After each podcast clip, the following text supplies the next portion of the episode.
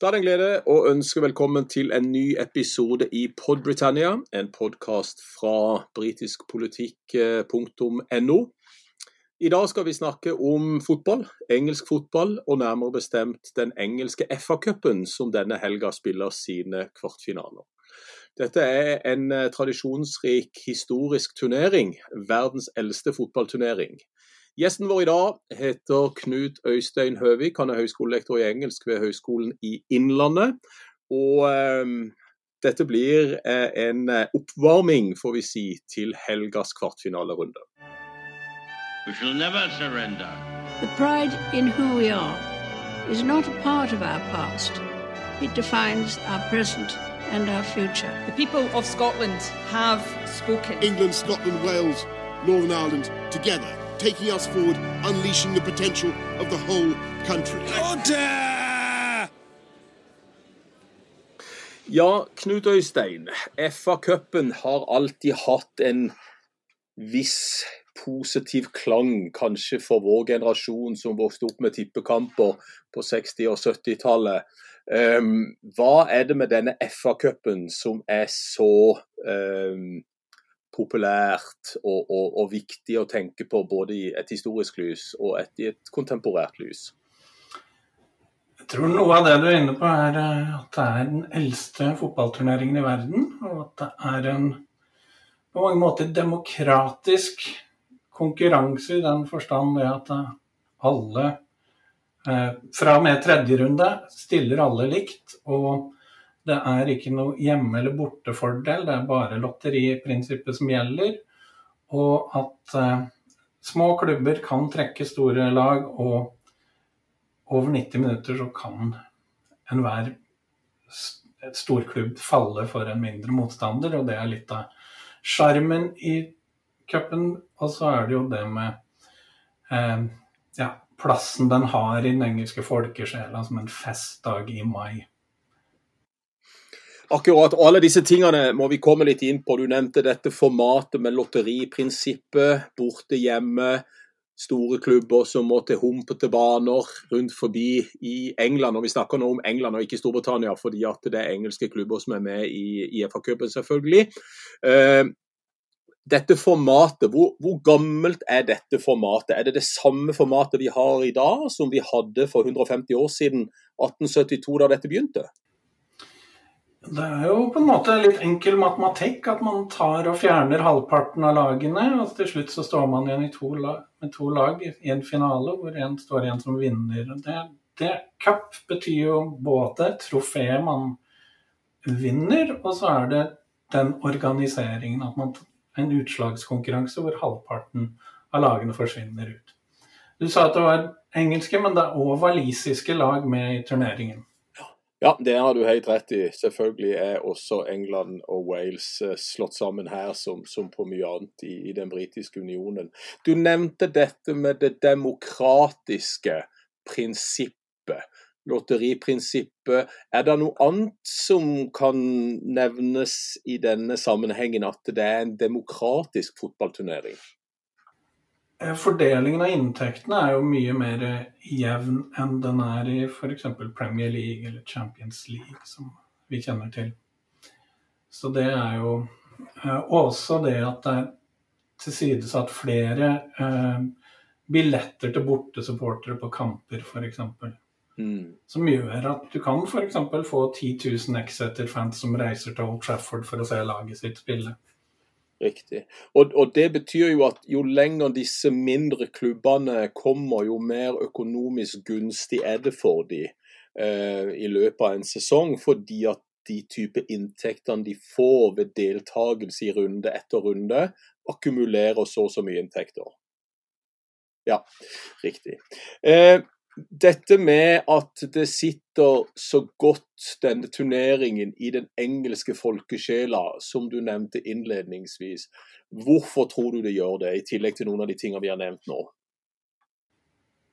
Jeg tror mye av det er, eh, handler om nostalgi og minner. Altså det er barndomsminner og eh, følelser. Og så er det jo også historiske hendelser, tragedier og sånn, og som har vært med på å knytte eh, engelskmenn nærmere sammen.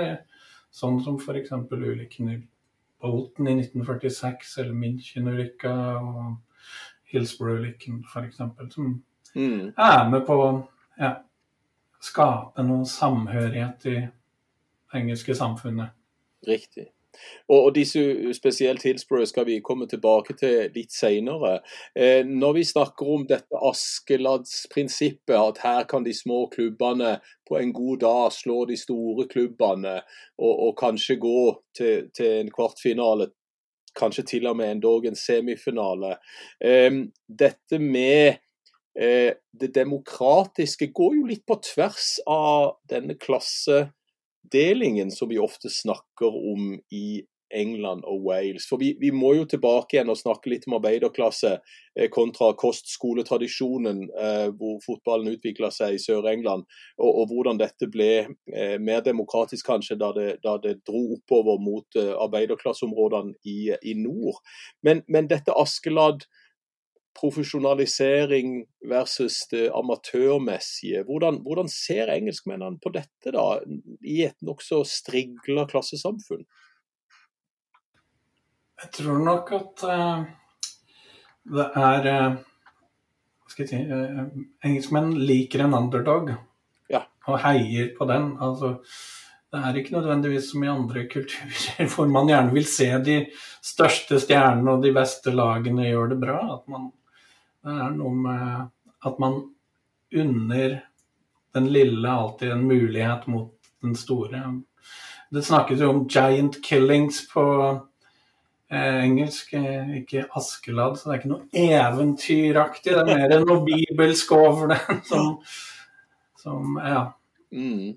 Er, det, det er jo noen berømte kamper opp gjennom årene som har funnet sted, og det er eh, Og det er vel det at det skjer Det kan skje når som helst, men det skjer så sjelden, og det gjør det veldig spesielt. Mm. Akkurat det at det skjer eh, ikke hver runde og ikke hvert år, men, men innimellom, er vel, er vel kanskje også noe av det som knytter håpet til disse mulighetene som ligger for, for mindre klubber. Men si litt mer om dette kostskole, eh, denne opprinnelsen på kostskolene, og hvordan det da historisk reiste nordover. Og, og fikk en litt sånn nord-sør-dimensjon etter hvert. Ja, i dag er det jo faktisk i, i dag er det 150 år siden den første FA Cup-finalen ble spilt. Og Den ble spilt mellom to lag som heter Wanderers og Royal Engineers. Uh, og det var to klubber fra London-området. Wanderers hadde ikke noe sted å være. De var fra Battersea-området, men hadde ingen egen stadion, så de, derfor ble de kalt Wanderers. Og Royal Engineers var, uh, besto av uh, offiserer i den britiske hær, mens The Wanderers var kostskolegutter. Så, og, og, det var jo mye av bakgrunnen her, og det var amatørprinsippet som gjaldt.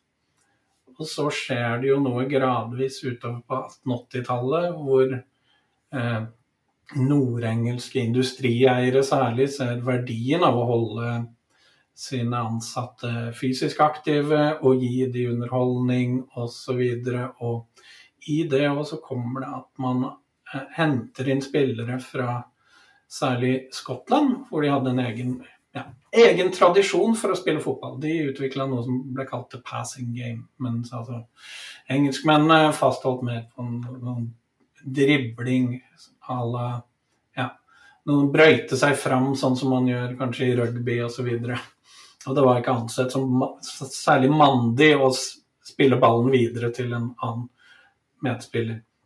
Så Derfor så kom det jo disse spillerne som ble kalt for the Scotch Professors, som ble rekruttert til klubber i nord-vest-England. Darwin, Blackburn og eh, ja, Preston særlig, da, Bolton.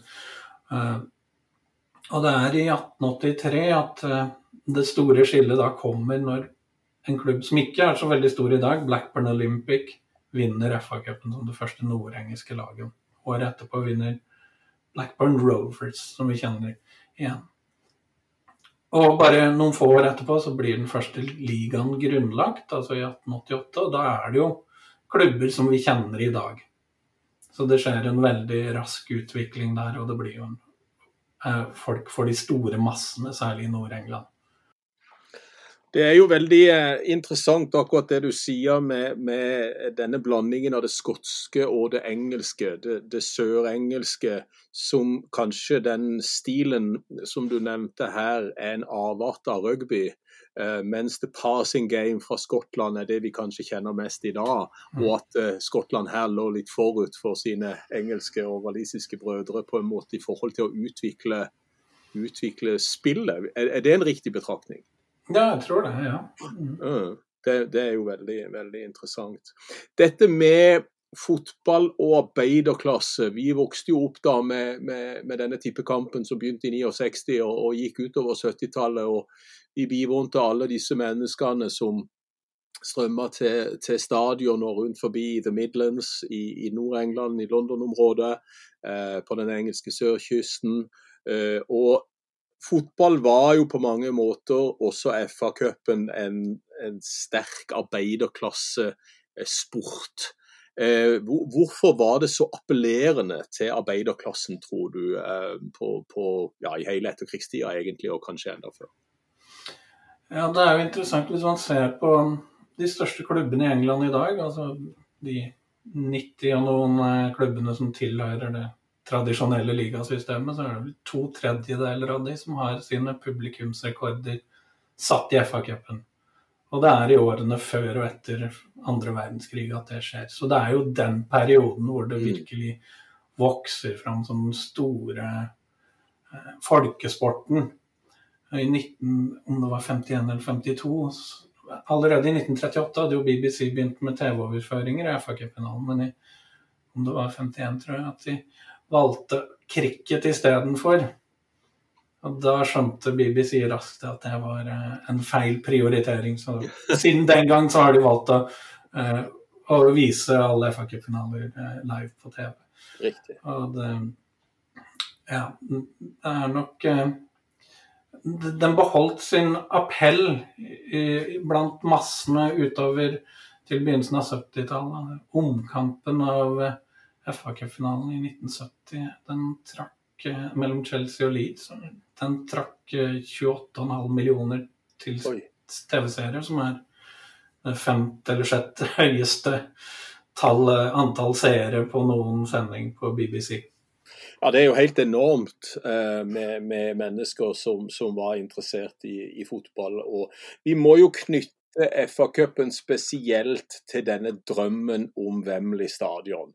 Hvordan er disse to eh, altså drømmen om, om, å vinne FA-cupfinalen og spille på Wembley, hvordan er på en måte Wembley og FA-cupen uatskillelige enheter? Ja, eh, I motsetning til Skottland, hvor eh, Hamden Park i Glasgow har vært på en måte skotsk fotballs hjem helt siden eh, barndommen sin fødsel, nesten, så hadde jo ikke engelsk fotball noe hjem.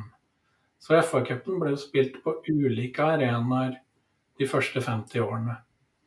Og i begynnelsen var det jo cricketbaner som ble brukt, og cricket var på en måte sommeridretten, og så fikk fotball og rugby låne cricketbanene om vinteren. Eh, og så var det mot eh, da første verdenskrig var i ferd med å bryte ut, så så det jo lenge ut som Stamford Bridge, Chelseas nåværende hjemmebane, kunne bli en cupfinalearena. Men det er i 1923 at uh, kongefamilien gir sin velsignelse til at Wembley Empire Stadium kan bygges. Den tar 300 dager akkurat å bygge, og, blir jo, og er jo et enormt idrettsanlegg. Det er verdens største når det blir bygd. Og det er jo på en måte veldig et imperiebygg fra utsiden med sin hvite fasade og sine tvillingtårn og så der blir jo myter skapt nesten med en gang. Og den drømmen da om å komme på Wembley, og som kanskje ikke finnes i dag, fordi at Wembley i dag, den, ny, den gjenoppbygde Wembley, er jo på en måte en eventmaskin som skal tjene penger, og hvor det må skje ting hele tiden for at den skal gå rundt. Mens den som ble bygd i 1923, var jo for de helt spesielle anledningene. Det var for landskamper, og det var for cupfinaler. Og knapt noe annet. Så det var jo så det var veldig få som opplevde å kunne gå ut på Wembley og spille. Og eh, store spillere som aldri opplevde å eh, få muligheten til å spille der. Så det var jo den drømmen, og så har du jo det enorme folkehavet. Altså, som 120 000 til langt inn på 80-tallet var jo vanlig på Wembley på cupfinaler. Og Det var noe av det som drev de små klubbene òg. Denne drømmen om å kunne spille for alle disse menneskene på denne flotte arenaen. Det var det som kanskje gjorde FA-cupen ikke bare til verdens eldste, men kanskje verdens mest sangomsuste turnering, nesten uansett sport. Ja, det vil jeg nok tro at Ja. Og det, det at hele nasjonen, på mange måter hele verden, fulgte med på TV og ja, gjorde det jo veldig, veldig spesielt. Og enhver kunne liksom drømme om å komme dit en dag og skåre mm. vinnermålet. Ja, det er vel mange skolegutter i England som har drømt om opp gjennom året at de har skåret vinnermål i FA-cupfinalen. Ja, det tror jeg du har helt rett i. Men nå, nå, må vi hoppe fra arbeiderklassen til de mer fornemme krester. fordi Du sa at den britiske kongefamilien ga sin velsignelse til byggingen av Wembley. Eh, og, og, Fortell litt om denne nære forbindelsen mellom den britiske kongefamilien og, og FA-cupen. George 5. var vel den første som var til stede på en cupfinale. Han var det i 1914. Og fra og med byggingen av Wembley så blir det naturlig for kongefamilien Noen i kongefamilien er representert hvert år det er cupfinale. Jeg tror det eneste var Winston Churchill var vikar for dronning Elisabeth i 1952, men ellers så har det vært eh, kongefamilien som har alltid delt ut trofeet og vært til stede og på en måte kasta glans over arrangementet og gitt en, en, en slags verdig posisjon, da.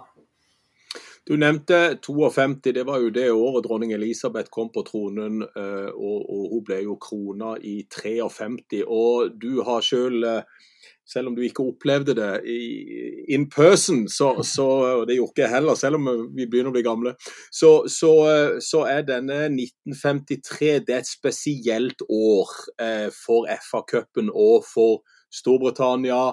Og det er en tid også hvor, hvor, fotball på mange måter speiler dette tidsbildet vi har på 50-tallet. Fortell litt om 53 og, og 50-tallet som sådan i, i Storbritannia.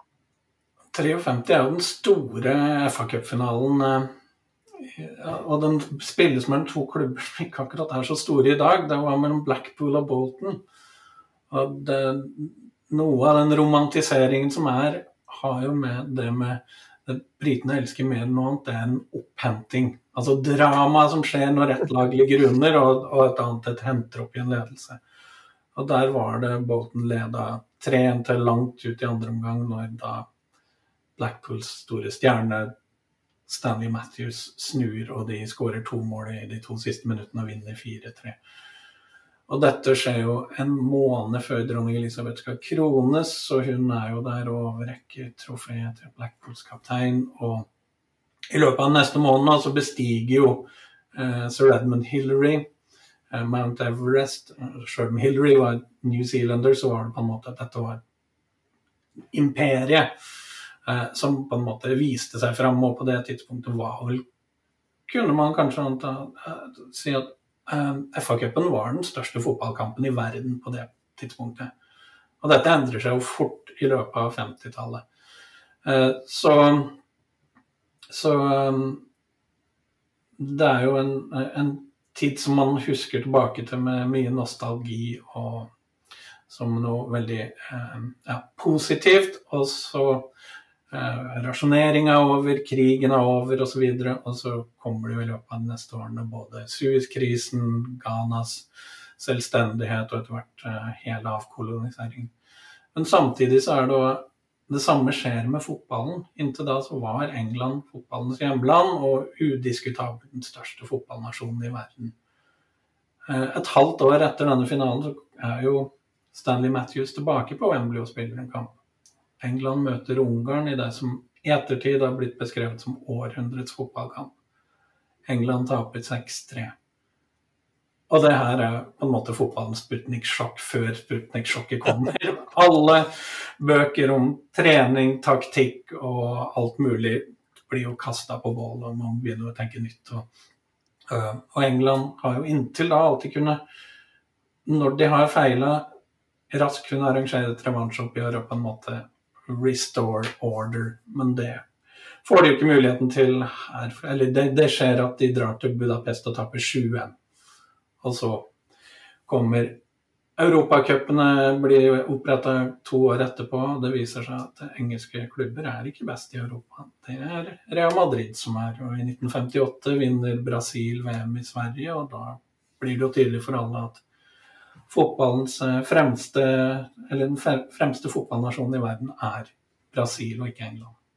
Og Det er jo selvfølgelig et hardt slag for alle engelskmenn og alle briter, å ikke lenger se at uh, sitt kjære England er det viktigste.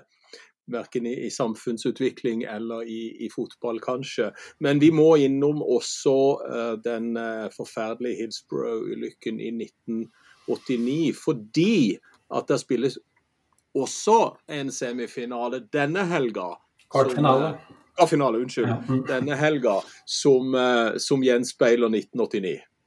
Ja, nå er det første gang siden Liverpool og Nottingham Forest møttes den tragiske dagen i april 1989 i FA-cupen. Uh, og det er jo spennende å se hvordan det går nå til helga. Men det er jo klart, den, den, kampen som fant sted, og som aldri ble ferdigspilt den, Eller han ble jo ferdigspilt på Old Trafford noen uker etterpå, men hvor eh, eh Nå er det oppjustert til 97 mennesker som døde på, på borteseksjonen på Hillsborough i Sheffield. Alle Liverpool-fans, alle unge mennesker. Det får noen konsekvenser for eh, fotballen og FA-cupen utover 90-tallet. Det fører til at fokus blir på sikkerhet. Stadioner bygges med bare sittetribuner. Eh, det betyr også det at eh, hooligan-kulturen som herja 70- og 80-tallet, den dør nesten mer eller mindre ut. Og med dette også får man jo utenlandske investeringer, som man har sett nå kan være problematisk, særlig nå med Chelsea, som også spiller FA-cup nå til helga, eh, mm. med Roman Abramovic sine investeringer. Mm. Eh, så mye av det som vi ser i dag, altså verdens største eh, fotball Altså TV TV-event på idrett er jo Premier League. Og alt dette har sitt utspring i det som skjer på Hillsborough. Mm. Og det er en grusom tragedie som på mange måter viser hva som er feil i Thatchers Storbritannia.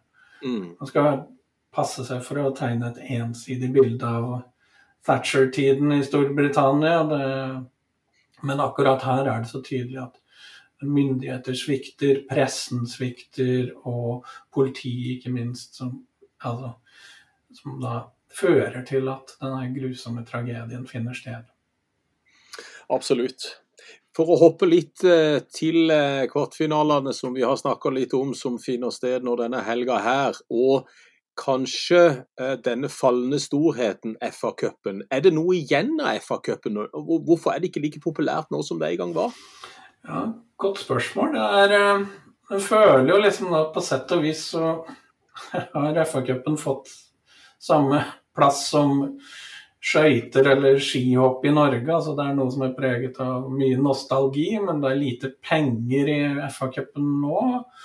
Og også det at de store klubbene har på en måte vokst seg så store at de kan sende et andre, et reservepreget lag, kan sende et tredje ut og nesten være sikre på å vinne mot et eh, andre- eller tredjedivisjonslag på bortebane. Så Det betyr jo at det er tredje runden alltid var en sånn høytidsdag før med, hvor alt var mulig. Uh, og hvor du alltid forventa at det var i hvert fall én storklubb som snubla. Så skjer ikke det lenger. Og det er heller ikke sånn at uh, det er fullt på tribunene, fordi at uh, man vet ikke hva slags Arsenal-lag som dukker opp for å spille mot Hartlepool, f.eks. Altså. Mm. Mm. Hva, hva tror du må til for at FA-cupen igjen skal nå de høydene som vi har sett historisk? Er det mulig? Jeg tror nok ikke den kan nå de høydene med tanke på publikum, oppslutning, eller TV-publikum eller noe sånt. Den plassen hadde som en sånn derre nasjonal festdag er nok over på sett og vis, men en ser jo en trend nå at eh, med pandemien så er jo flere oppdaget sine lokale klubber igjen. Og, og velger å ikke oppsøke de store folkemassene, f.eks. Men så er det klart det ligger jo så ekstremt mye penger i Premier League og, og også Champions League at det er forståelig at de store klubbene nedprioriterer da FA-cupen på bekostning av det. Og samtidig så er det sånn at de store klubbene kommer fortsatt til finalen. Så det er jo ikke som om de overlater det til andre, det er bare at de ikke trenger å anstrenge seg på den måten. Men hva som skal til eh, for å gjenopprette den storheten, det vet jeg ikke. Forrige uke så utga Royal Mail en, eh, noen sånne minnesfrimerker med høydepunkter fra FA-cupens historie. Det, sier jo litt, altså det er en Det er litt i det ligger litt i fortiden, både Royal Mail og FA-cupen her. altså Gamle institusjoner som prøver å holde en relevans fortsatt i dag. We shall never surrender. The pride in who we are is not a part of our past. It defines our present and our future. The people of Scotland have spoken. England, Scotland, Wales, Northern Ireland, together, taking us forward, unleashing the potential of the whole country. Order!